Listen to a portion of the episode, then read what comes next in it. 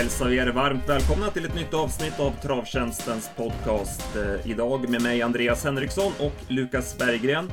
Hur är läget Lukas? Jo men det är bra. Sagt en intensiv helg bakom sig med, med arbete och bra travsport och ja men allt som väntar här omkring mig. Paralympiatravet och Elitloppet, det känns ju ganska nära nu och sen V75 Umeåker på det också så Ja, jag ser verkligen fram emot det som komma skall och det är mycket trav och bra väder och snön här borta smälter snabbt också så här uppe i Umeå så Ja, det är bra, att göra det själv? Jo men samma här.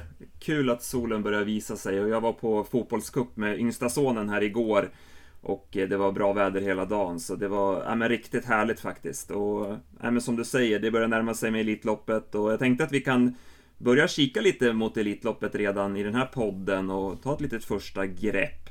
Men vi ska börja med förra veckans tävling. Eh, PA sökte ju vem som skulle vinna eh, gulddivisionen i lördags. Och vi fick in några svar, men inte rätt svar. Hade Stevandell var det ingen som eh, tippade, så ingen vinnare i tävlingen. Jag tänkte den här veckan att eh, vi rör ju oss som sagt mot Elitloppstider och eh, i veckans tävling så söker jag ett eh, hästnamn. Det är en tidigare Elitloppsvinnare och eh, ja, något av en utskälld sådan. Jag skulle inte säga att det är på Gumball-nivå, men snudd på. Men för mig är det ett av mina starkaste Elitloppsminnen, så... Ja, du får spetsa öronen nu, Lukas, och se om du kan ta det. Ja.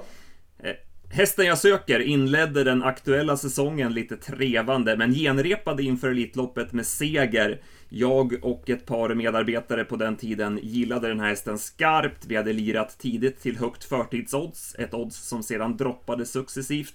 Och allt kändes kanon fram till lottningen där hästen drogs på råtta i försöket. Ridå tänkte jag, men det gjorde samtidigt att oddsen studsade upp igen och eh, stärkt av mina kollegors fasta övertygelse så fyllde jag på spelet som slutvinnare. I försöket såg det länge mörkt ut, hästen släpade i kön, men på upploppet tog han för sig bra och gick i mål som trea. Nu hade han löst det viktigaste, att ta sig till final. Inför finalen valde kusken som körde honom i försöket bort hästen, men som tur var fick man välja spår först av treorna. Från spår 5 i finalen blåste han till ledningen och resten är historia. Mm. Dyker upp något lopp för dig? ja, men jag tror jag vet vilken det är. Eh, mm. Det var nog mitt... Eh, det säger inget till de som lyssnar ändå, men jag tror att det var mitt första Elitlopp någonsin. Just den här hästen vann. Så. Det var länge sedan, okay. men det var... Ja, det är något som jag heller aldrig kommer glömma. Nej men precis, det var ju som sagt lite annorlunda lopp, men... Eh, mm det var roligt sådär man, när man liksom har, har en, en tanke hela våren och det här med förtidsspel och, och så vidare. Att, de är inte lätta att få in de där förtidsspelen. Nej. Men eh, det här det var ett sånt tillfälle. Så, ja. Tjusning med förtidsspel, liksom veta att man kan hitta de här guldkornen till höga odds. Det behöver inte vara världens största summor för att få en rejäl spänning för pengarna. De ska bli inbjudna och se att oddsen sjunker och så vidare. Så ja, fan vad man börjar längta till Elitloppet när du, när du säger såna här historier också. Jag inte länge kvar nu. Det blir skitkul. Nej, exakt. Nej, och eh, tror ni er vet rätt svar så mejla in då till kundtjänst.travtjänsten.se så tar vi ut två vinnare som får 150 krediter var att köpa tips för på vår sajt. Ja, apropå Elitloppet då. Vi fick ju en eh, till häst inbjuden nu i lördags. Önas Prins. Där var ju Per Nordström väldigt eh, tydlig med att han skulle köra sig till sig en rosa biljett och det gjorde han ju med besked. Så nu har vi sex hästar inbjudna till Elitloppet. Sun Motör, Horsey Dream, Etonant, Vivid Wise Ass, Just Believe och Önas Prins. Det känns väl väldigt bra så här långt, eller vad säger du Lukas?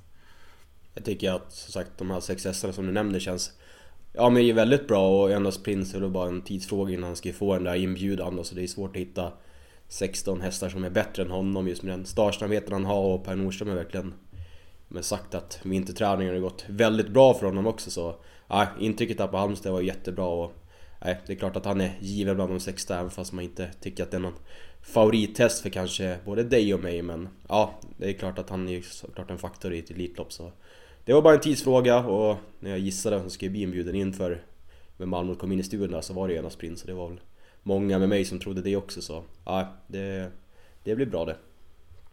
Ja, men verkligen. Och eh, PA som eh, brukar ringa Redén och eh, göra de intervjuerna har ju semester den här veckan och eh, därför så får jag rycka in och eh, jag ska ringa Daniel Halls senare under eftermiddagen. Han har ju ut både Don Fanucci set och Hail Mary i veckan. Apropå mm. Elitloppet är ju det två högaktuella hästar inför det loppet. Så det ska bli spännande att få ta del av hur träningen har gått och vad man får för vibbar kring de hästarna. Ja, vi pratade lite innan vi började spela in här vilka hästar från Redén som vi tror är aktuella. Han har ju så jäkla många att välja på men det känns väl även som, ändå som att det är kanske som förra året att det är Don Fanucci set och Hail Mary som är högst upp på listan där. Det är ju svårt att se att Admiral Las är spännande, nyförvärvet där ska vara ordning redan om en månad och sen Ja men Francesco Zet är det ju lite oklart kring fortfarande så Hail Mary och Francesco Zet är väl, eller Don Fanucci Zet är väl om man tror kommer starta från stallridén i Elitloppet. Ja men precis. Sen var det ju ett lopp du hajade till på här och apropå förtidsspel så tog du väl någon guldtia på ett riktigt högt odds här? Ja, jag såg ju loppet där i lördagskväll från det var vi i Holland med Officer Steven som vann för en Mr F-dag och City Guide från ledningen där och Dion Tesla var ju... Ja, det var ju ruskigt, ruskigt bra intryck. Han vann väl på nytt banrekord, det var 10 och 2 där nere. Jag vet inte vad det säger egentligen, men hur snabb banan är och sådär. Men ja, ruskigt fin intryck och man minns ju han från förra året i Sweden Cup där han blåste runt från ledningen i försöket och satt fast med rubbet bakom Beppe Bie i finalen också så det är ju en jäkla bra häst som är startsnabb och med färgstarka ekipage och kanske skulle kunna bli inbjuden på en liten flagga där. Det är väl tysk eller holländsk flagga där på den så... Nej, 100 gånger plats känns ändå lite lockande. Jag gick ner till 25 där några timmar efter där loppet hade gått också så... Det är väl roligt om man skulle få en inbjudan, kan det vara roligt om man får ett bra läge i finalen, eller i försöket och kunna hänga med till en final. Det är inte helt omöjligt. Det är sånt där som jag säger, det är kul att sitta på sådana till förtidsspel till Elitloppet. Även om det går eller inte, det är så stora odds så man behöver ju bara spela några hundringar för att det ska kunna bli spännande ändå. Ja, just det. Mycket bra. Mm. Eh, är det något mer du vill säga då kring Elitloppet innan vi börjar kolla på V7 från i lördags? Ja, men det är väl sex inbjudningar som du sa. Jag tror att det är fyra inbjudningslopp kvar av dessa och man har sex hästar att bjuda in så det är ju klart att några ska sållas bort och några ska komma in och får man väl hoppas att de här inbjudningsloppen också faller till rätt vinnare så att det inte får några chanslösa hästar med i Elitloppet men hittills de sex du nämnde tycker jag är bra klass på och jag hoppas att kunna få några mer fransmän där med Honeck eller med Go On Boy och det ska ju vara en riktig krydda om man ska kunna hitta några flera sådana och kanske den där Jovality eller om den skulle kunna vara bra nu också framöver här så Ja, det, det känns som att det skulle kunna bli ett riktigt bra Elitlopp om allt faller lite rätt. Vilka lopp har vi nu som är direkt kvalificerande? Det är Meadow Roads lopp va, på Solvalla? Ja, det är väl... Sen har vi Gävle, Gävle veckan innan och Finlandia Ajo. Finlandia Ajo. Exakt. Och sen är det på Olympiatravet också väl? Ja, det kanske det är. Ja, och där ska ju Samotör ut och ha bra chans och ska han vinna så får ju Malmö en till biljett i handen att dela ut så det skulle nog vara var bra och Samotör ser ut att ha en jättebra chans att vinna Paralympiatravet nu. Det verkar inte vara, bli världens tuffaste motståndare. Han är ju rejält nedtryckt där på förtidsoddsen också så... Nej, det hade varit optimalt mm. om han hade vunnit det kanske. Samotör, han står i fyra gånger att vinna Elitloppet på ATG Sport och två gånger att vinna Paralympiatravet så han är ju väldigt klar favorit just nu. Ja, ja. Nej, som sagt, det ska bli väldigt eh, intressant att se honom på lördag och eh, ja, men det ser ut som att han har en väldigt bra uppgift också. Han fick ju ett bra spår också för säkerhets skull. Så, ja. Eh. Nej, det är klart att han har jättechans och årsdebuten på Färjestad var ju såklart allt Björn kunde önska sig och säkert lite därtill också så. Nej, det blir kul att se om man ska vricka bakskorna nu som han hade i jubileumspokalen också så ja, han startar ju med jättechans. Vi ser hur stor favorit han blir och han har ju haft de här tendenserna förut att kunna skruva upp sig och galoppera och sådär. Får se hur det kan bli ett fullsatt Solvalla i Elitloppet när han ska gå över 1600 meter. Jag, jag säger inte att jag är orolig men jag säger i alla fall att man ska ta med det i beaktning och fyra gånger det är ingenting man kastar sig över i alla fall på, på förtidsoddsen. Nej, så är det ju. Jaha, Eh, mycket intressant eh, såklart att följa nu. Eh, lite drygt en månad kvar alltså till Elitloppet. Men vi kör V75 från Axevalla i lördags. Vi börjar med V75 1 där favoriten Lozano de Quattro som väntat blev över från start och han hittade heller inte ut Tobias I Gustafsson utan han blev kvar på innerspår och där satt han loppet igenom. Ehm, kom ju ut i andra spår på bortre långsida men jag vet inte om om han inte riktigt hade helt fritt fram eller varför han inte liksom tog sig framåt där. Det var Det såg Nej. lite märkligt ut men eh, Sen på upploppet så kryssar han ju mellan hästar där och han ser ju smällfin ut men han eh, satt ju fast som sagt och den risken fanns ju på förhand så vi valde ju att gardera honom här. Eh, vi tippade Phoenix Wang lite på chans, tyckte han var intressant spelmässigt men Ja, så här med facit i hand så skulle man kanske ha tänkt ett varv till att om nu eh, Lozano skulle bli instängd på innerspår så var det väl ganska troligt att Stefan Persson skulle köra fram utvändigt och låsa loppet med Elvego Khalifa. Och precis så blev det också och eh, ja, men både Stefan och hästen reglerade allt utvändigt ledan. Mm. Ja, jättebra insats av, av honom, det är sagt som du verkligen sa där också. Man, jag fick väl lite mer och mer feeling ändå för att Lozano, att han bara hittar nu så ska han ju bara vinna det här men Ja, han öppnade ju inte alls bra i volten och blev ju fast. Och det är som du sa där på bortelång, det såg jäkligt konstigt ut. Man tänkte nu jäklar löste det sig perfekt, nu är det bara att köra rakt, rakt fram och så finns ju luckan. Men det var som att, antingen att han inte hade plats eller att hästen inte riktigt liksom kunde kanske trava maximalt genom svängen där så... Ja, det såg lite konstigt ut men intrycket var ju femstjärnigt och sen ja men väl Elvego Khalifa i dödens på Hamikar Book och Phoenix Vagn fick göra lite jobb där. Det kändes som att ja, 800 kvar så känns det som där vinner ju Stefan bara han inte liksom Lozano skulle få någon lucka från fjärde invändigt så Nej, bra insats. Elvego Khalifa har ju liksom varit en följetong på V75 en längre tid nu också så nej, den är ju bra. Men Lozano Quattro var mm, ändå intrycket ja, man tog med sig. Men alla såg ju honom också. Ja, Ja, men som du säger, bra lördagshäst, Elvego Khalifa. Ingen, ingen stjärna, men en sån som kommer vara med på V75 en, en tid framöver. Eh, ja. Eh, och ja, du nämnde det där med banan. Det, där måste vi ju ge Axevalla mm. underkänt. För att inte kunna prestera en bättre bana när det är V75. Man har ju ofta problem med banunderlaget, men just när det är V7 så... Jag vet inte om man ska ta in eh, typ de här bröderna Johansson från eh, Halmstad eller någonting. Att man Eh, Eh, ja men när det är V7 ändå så tycker man ändå att man ska, borde kunna kräva lite bättre. Det var ju bra väder och allting. Eh, men banan var ju väldigt lös, speciellt i kurvorna och som du säger en sån här häst som Lozano di Quattro med sin stora aktion och sådär. De behöver ju mycket fäste så... Nej, vi brukar hylla Axevalla, vi gillar ju den banan och allt runt omkring och jag brukar plussa för deras banprogram som ju är det bästa i klassen med intervjuer och så vidare. Så de gör ju mycket bra Axevalla, men just banunderlaget ja, men där finns det en del att, mer att önska. Ja, det var väl Berg, Robert Berg där före tävlingen som var lite... Det är väl ofta han de brukar fråga också, han kan ju vara lite negativt inställd när banan blir lite lös men det var ju många galopper där i V44 som gav en indikation på att det skulle kunna bli problem och ja men första sväng där ja men efter, efter mål, efter målpassagen var verkligen där många hästar försvann.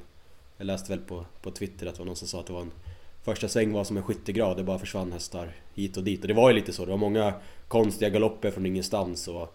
Nej, det var som du sa, det var ju bra förutsättningar alltså. Man hoppades på att banan skulle vara bättre. Men det blir ju lite av ett ja, men gissel när man inte riktigt vet hur hästarna kommer att prestera och sådär. Så, ja, det var väl absolut inte optimalt på sån här V75 då.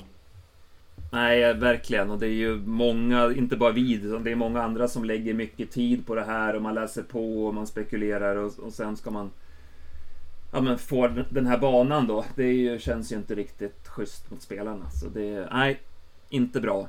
Sen får man väl också ta det i beaktning när man tittar på prestationerna som hästarna gör. Och ja. Man kanske inte ska överskatta vissa prestationer och heller inte underskatta vissa andra. Så ja, så är det. Men vi går vidare till V75 2. Här eh, hade vi Andy Gel som speldrag. Eh, och vi valde att eh, spika honom. Han var ju runt 2-3% när vi släppte tipsen. Steg ju till eh, knappa 8%. Vi tyckte att det fanns så pass högt värde i honom att det var värt att löpa linan ut och, och singla honom. Men nej, det var ju det var ett, det var ett dåligt drag helt enkelt. Han Kom inte iväg från start, hamnade långt bak och sen sprang han bara och släpade där en bit bak. Så det var ju... Han var ju aldrig aktuell. Nej, det var, blev konstigt där alltså. Som du sa, man sprang och släpade och flix, Det hände som ingenting, så jag vet inte om allt... Det kändes som att allt inte stod rätt till där. Det var ju många som sprang på honom, man stod ju nästan i sju gånger pengarna där så... Nej, det kändes roligt på förhand och så efter 500 meter kändes det chanslöst. Det var... Nej, det var tråkigt men jag tycker att man hittade så pass bra drag där också så... Nej, allt stod säkert inte rätt till. Jag vet inte om det var banan eller var något annat som spelade in där men han var ju verkligen långt efter de andra och samma där med Robert Bergs häst i Reed Ragnar som han sa för att banan inte skulle passa och så stämde det också så Ja, det blev lite konstigt lopp. Det var ju två där som försvann i första svängen. Jag vet inte om de krokade ihop där med As Always Mark och Walk in the Wire också så Ja, det blev lite konstigt lopp där men vinnaren var det verkligen den som gjorde det bästa loppet och vann från utvändigt ledande. Mm, exakt, det var en rejäl insats av E-mail som vann före skrällen, MT Sanchez. Eh, ja, Andy Gel som du säger, det något fel var det säkert på honom och sen, sen kanske det är så att han är en extrem spetshäst ändå. Han har ju ändå gjort ja. sina bästa lopp i ledningen så det kan säkert varit en del av förklaringen också. Eh, vi, vi, vi, vi går vidare från det loppet och eh, tar silverdivisionen. Här vart det eh, ruggig körning och det gynnade ju vinnande King of Everything.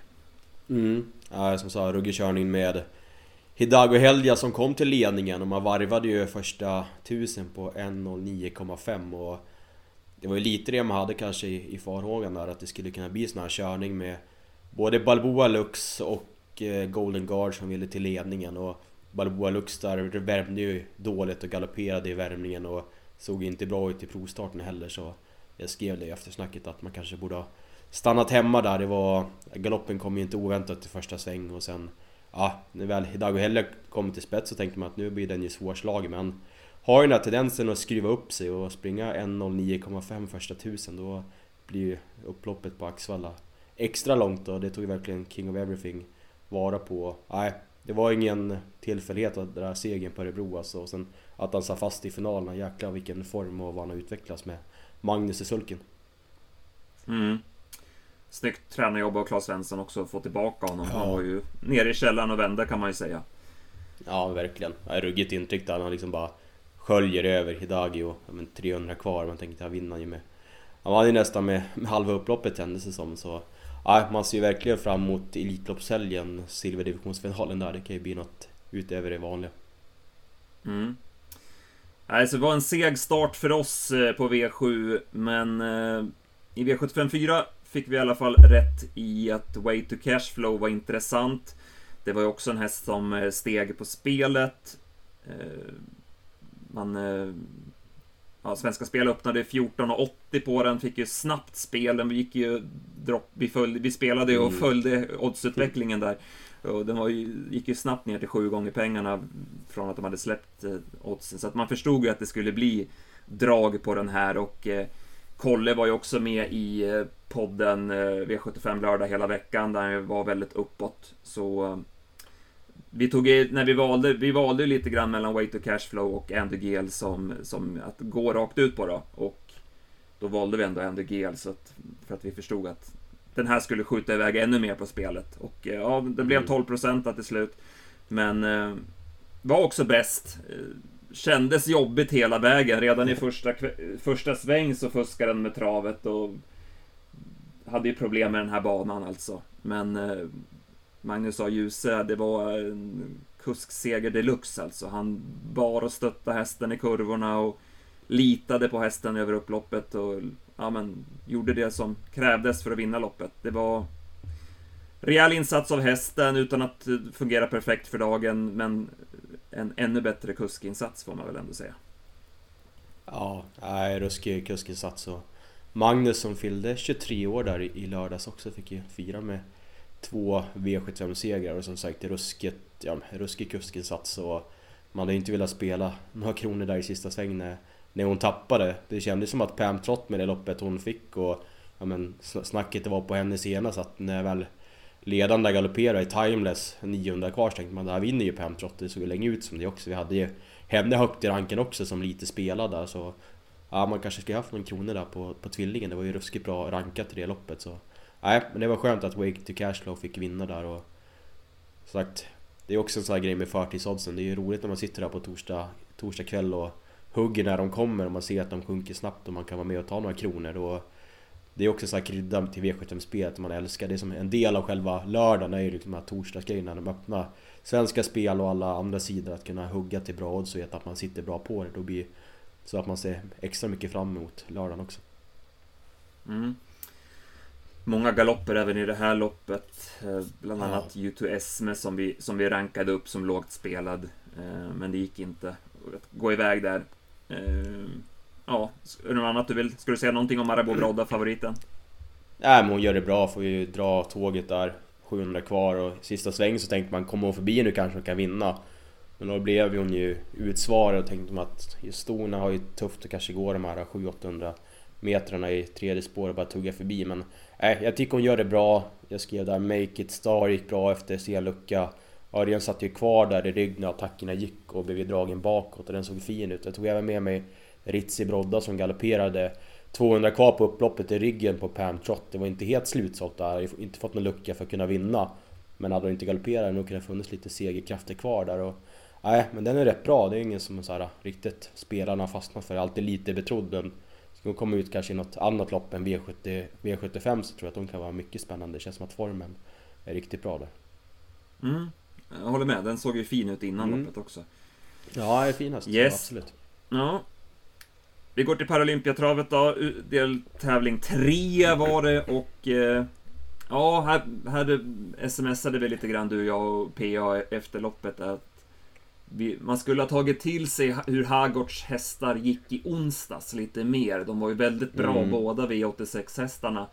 Och eh, ja, nu har han ju börjat skicka upp hästar hit till sin filial och ja, de blir ju att räkna med. De är ju i ordningställda nu när de kommer upp. Han har ju väntat eh, ett tag med att skicka upp dem, men nu kommer de ju i full form och eh, den här var inget undantag. Det var en, det var en rejäl insats när Hadester Vandell plockade ner Cicero TG.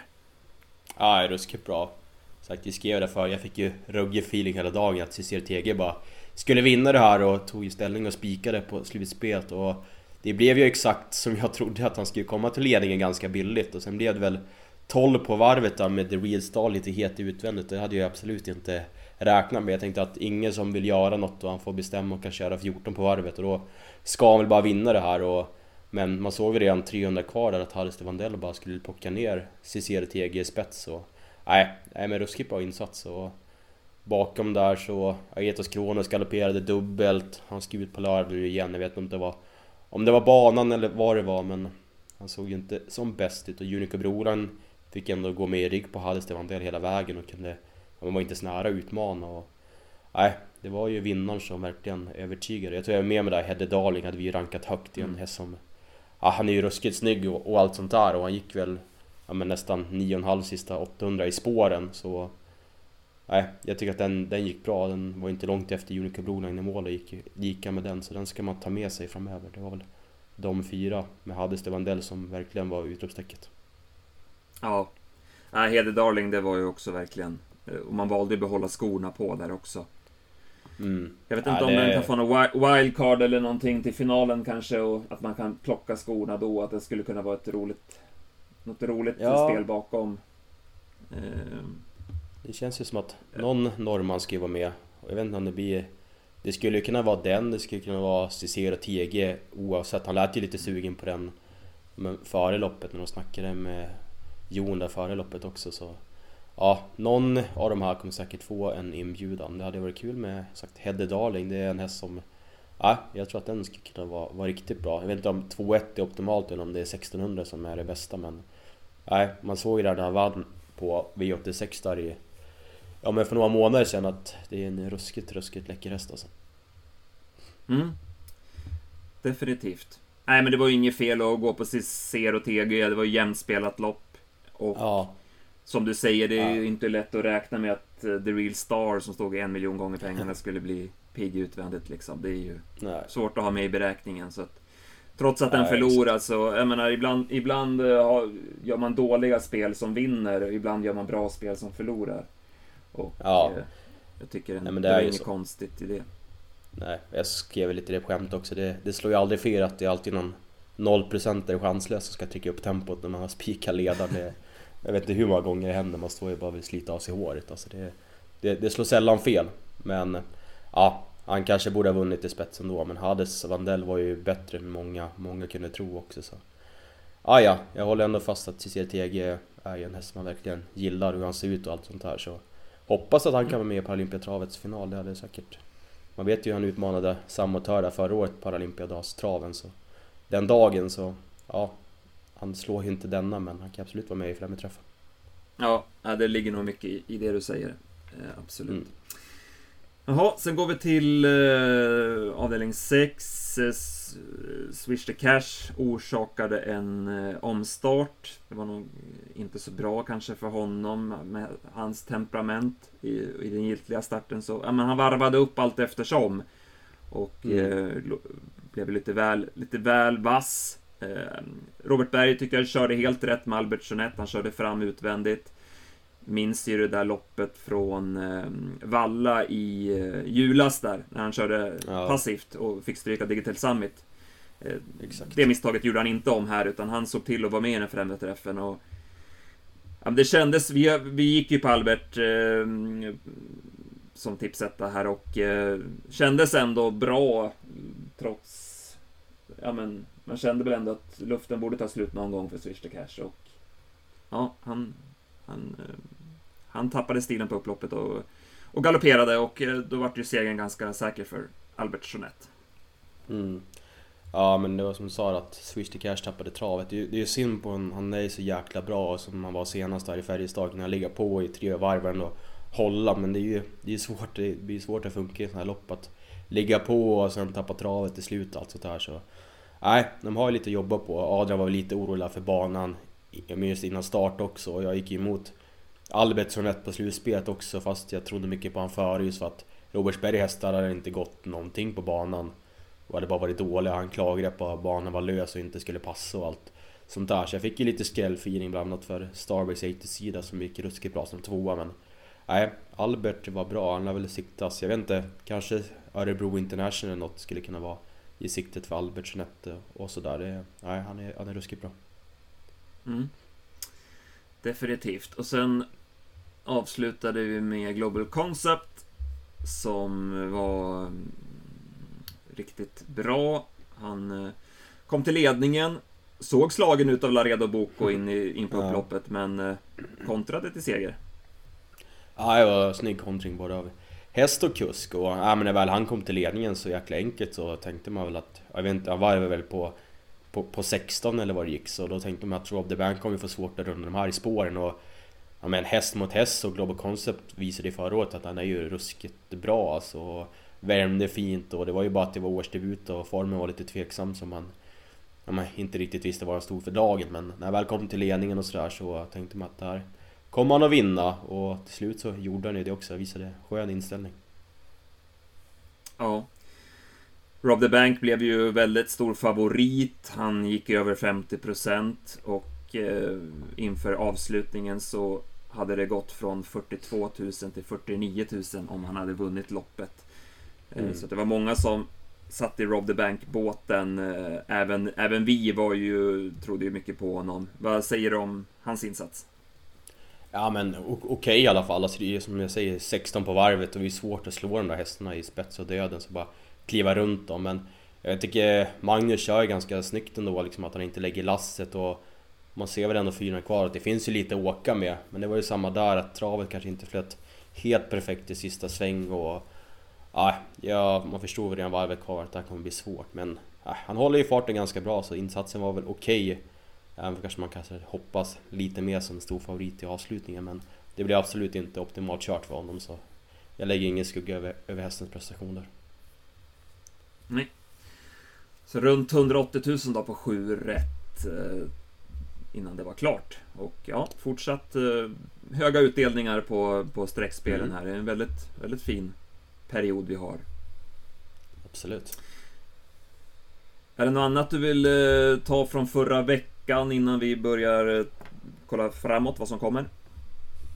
Ja, men det var väl det där som beskedet som vi nåddes av där på lördagen när man satt sig och skulle jobba med travet att Margareta Wallenius Kleber hade gått bort där vilket var otroligt tråkigt. Jag har inte varit med i travsporten så länge men alla år jag har älskat travet så har hon verkligen varit en stor del av det. Och, nej, hon verkar ju så jäkla som en härlig person som har gjort så himla mycket för travet och bara positiva saker att säga om alla man lyssnar och hör om också. Så ja, det var tråkigt. Hon, hennes men, minne och, och hästar hon har haft och allt vad Menhammar har betytt för svensk travsport och vad hon har betytt kommer ju leva vidare också så ja, det var tråkigt besked på, på lördag morgonen men Nej, de gjorde det ju snyggt i studion och det var mycket snack om henne hela helgen och avtackningar och på Solvalla igår också på GS75 alltså.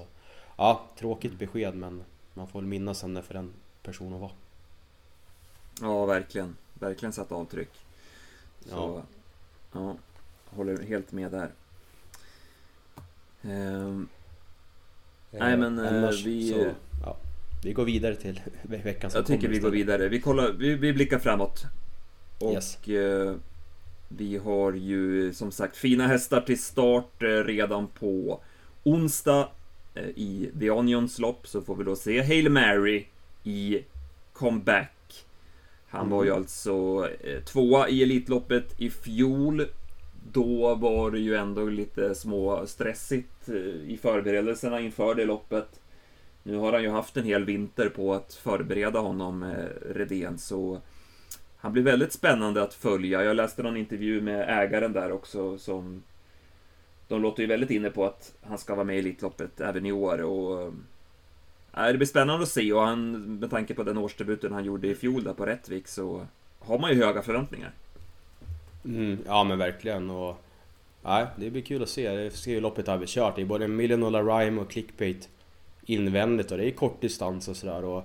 Han var ju verkligen bra i årsdebuten förra året men jag tycker att några av Redéns hästar som kom ut här, det var lite ojämna prestationer. Vissa var det bra och vissa var det sämre bra. Det hade ju absolut inte det viktigaste loppet heller så... Ja, han kommer säkert få göra det utvändigt eller få göra lite, lite spår på vägen så vi får väl se var han landar och vad Rydén säger när du, när du ringer honom efter det vi har snackat nu också så... Nej, men det är klart att han blir ruskigt rolig att se och har han kunnat ta kliv efter en vinter hos Rydén då blir ni verkligen att räkna med i Elitloppet nu också. Absolut. Sen eh, hade du eh, en idé, visst var det så? Ja, nej men vi går väl, ska säga att det är Bjerke och Solvalla och vi lämnar väl Bjerkeloppen till, till tills på onsdag när vi släpper tipsen. Vi har inte allt för bra koll på dem utan att ha pluggat i arkivet men V866, jag gillar verkligen jag och Ove Olsens där fyra Mezai som såg ja, men ruskigt bra ut senast i det var ju över Springers, han satt ju fast med rubbet i, i loppet som, det var väl Laredo Bocco som vann det loppet, exakt. Och han såg jäkligt fin ut och man hörde ju inför där att han var nöjd med hur hästen hade känts där i, ja, inför det loppet också så. Nej, jag var väl lite inne på, får se här om Crownwise Ass kan hålla upp ledningen. Annars hade det varit kul om Elstein kan blåsa förbi och sen att Missai skulle kunna få överta. Han är ju snabb iväg så då, Missai i ledningen, han tror inte jag lägger det här i alla fall. Får se om det blir någon drag på honom. Men det är en häst som jag verkligen håller högt. Mm. V86 8 alltså, nummer 4. Mm. Exakt. Eh, jackpot alltså där och eh, intressant givetvis. Sen har vi då V75 Jägersro. Vi nämnde lite kort där att Salmotör ska gå ut då i Paralympia eh, kvalet och fick ju sport 2, så det är klart att det ser väldigt bra ut åt honom. Sen har ja. vi en avslutning som heter duga, Silverloppet där med Kentucky River mot Karat River, Charlie Brown F.E. Ja, det var flera bra hästar med i det loppet.